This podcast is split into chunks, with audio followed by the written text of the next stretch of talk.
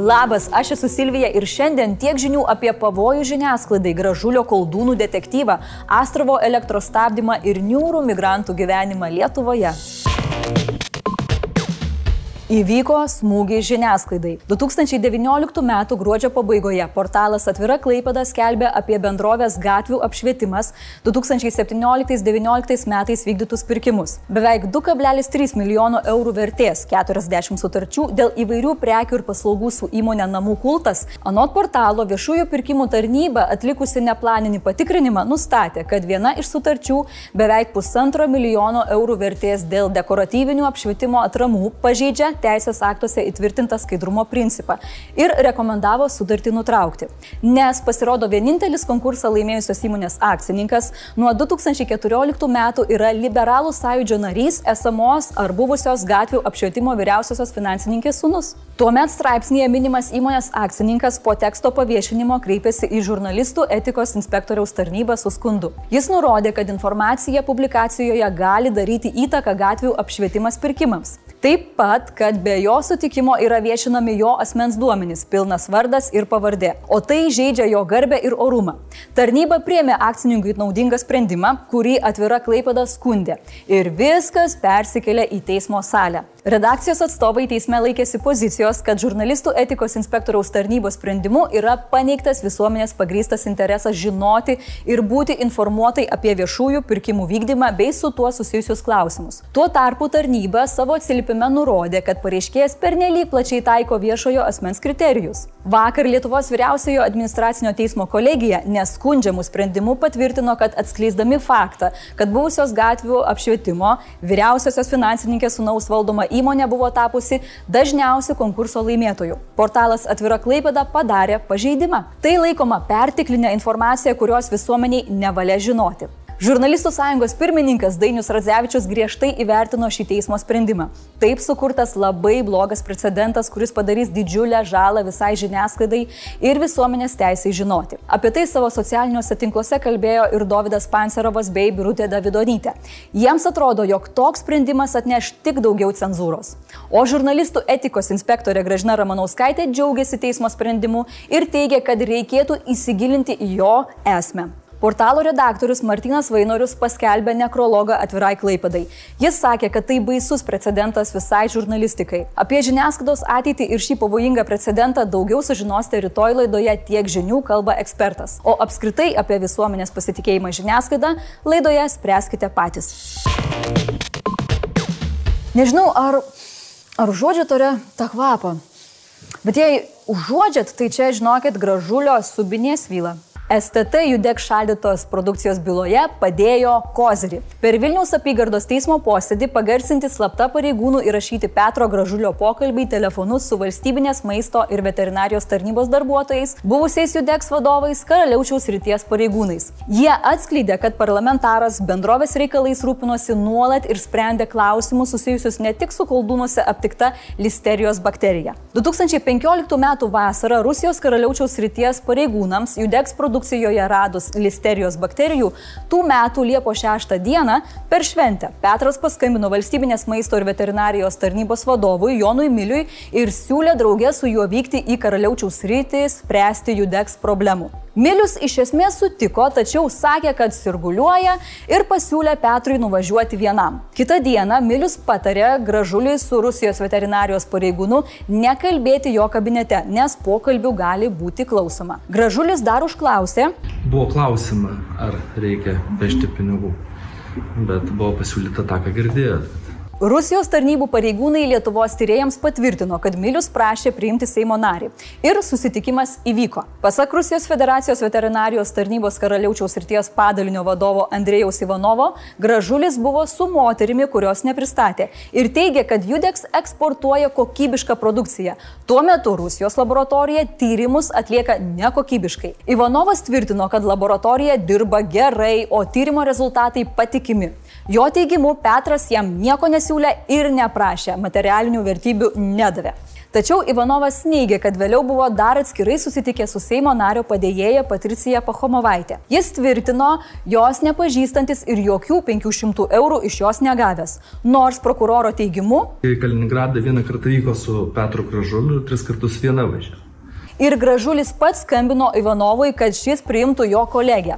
Ir Judeks generaliniam direktoriui skambino, kad pasirūpintų, jog Patricija turėtų pinigų paduoti laboratorijai. Ir Patricija skambino Petrui, perdavusi kyšį laboratorijai. Na, o jeigu Patricija iš tikrųjų tų 500 eurų niekam Rusijoje nedavė, reiškia, ji juos vis dar turi ir galės susimokėti baudą, kurią jai skiria teismas. Dėl netvykimo į teismo posėdį. Šiandien nuo ryto iki vidudienio ji turėjo liudyti Vilniaus apygardos teisme. Tačiau pranešė, jog atvykti tuo metu negalės. Prokuroras siūlė Patriciją atvesdinti, tačiau teismas nusprendė apsiriboti baudą. Judeks teigėjas ir vienintelis akcininkas Sigitas Mačiulis teigia, kad prieš šešerius metus neprašęs gražulio padėti spręsti problemų. Jis tvirtino įmonės veikloje dalyvaujantis mažai, nors svarbesniais klausimais prašantis politiko patarimo. Kodėl? Nes gražulis jo draugas. O viskas čia vyksta, nes generalinė prokuratura kaltina dėja vis dar politiką. Nuo 2015 m. gegužės iki 2017 m. vasario piknaudžiavo Seimo nario padėtimi, dėl ko žalos patyrė valstybė. Jis kaltinamas tuo, kad Judeks padėjo tvarkyti problemas susijusias su listeriniais koldūnais. Nekartą skambino Lietuvos ir Rusijos pareigūnams, ragino duoti kišius, prašė pažeisti galiojančias tvarkas. Tiesiog noriu pasakyti, kad tikriausiai nieko nėra maloniau, nei kai melagis meluoja, meluoja, meluoja ir galiausiai ant stalo kažkas deda garso įrašus. O, tai sėkmės Petrai išsivartyti kažkaip.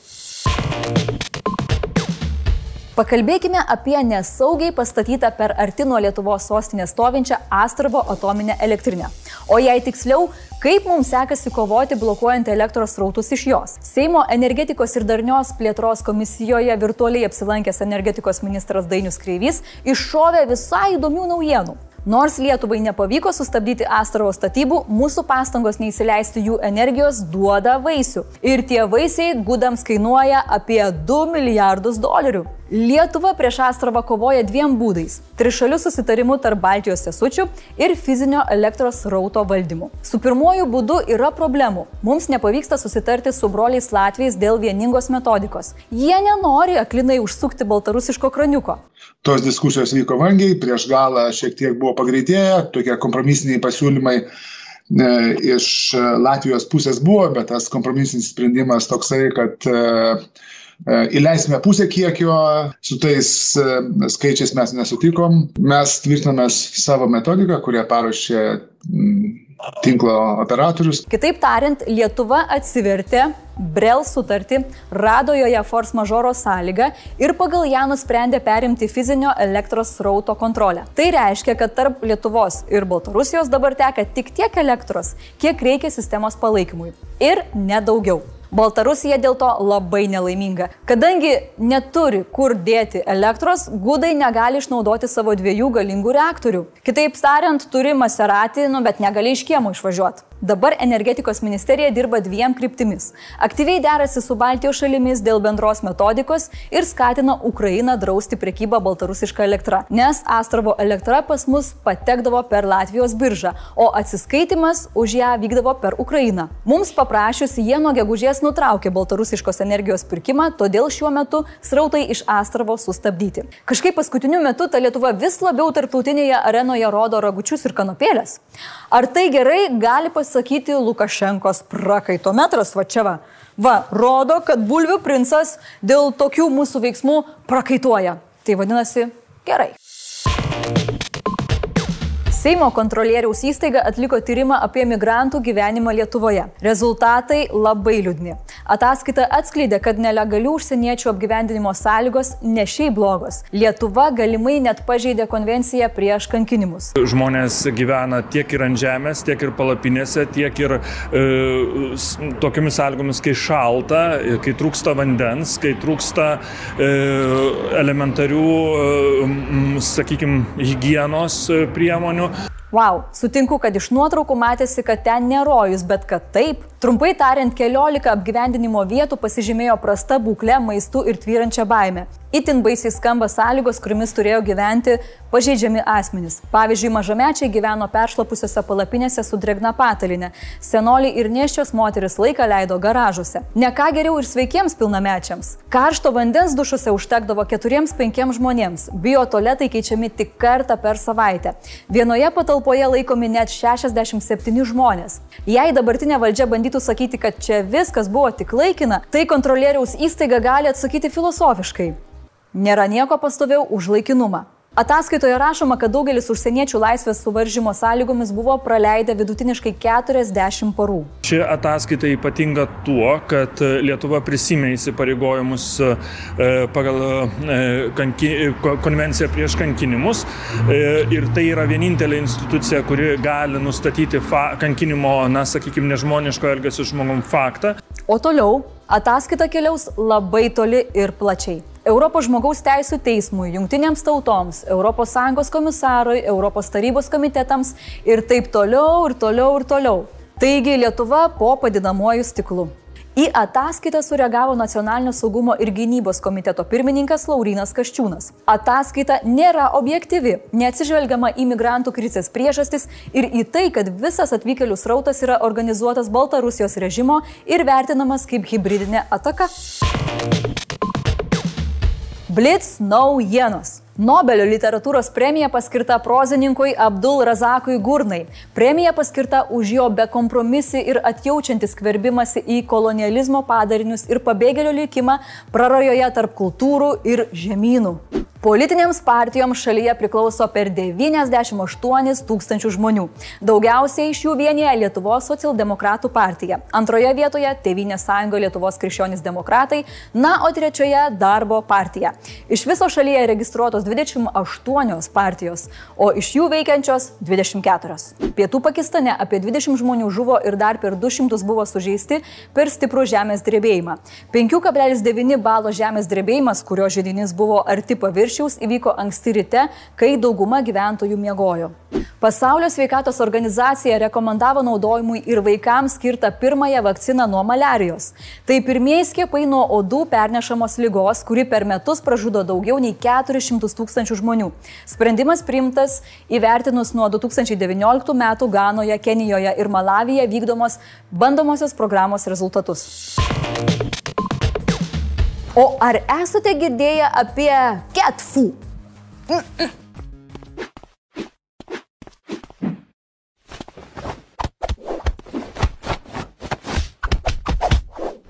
Ačiū, kad žiūrėjot. Kitą savaitę su jumis sveikinsis Dominikas, o aš sakau iki pasimatymo ir tiek žinių.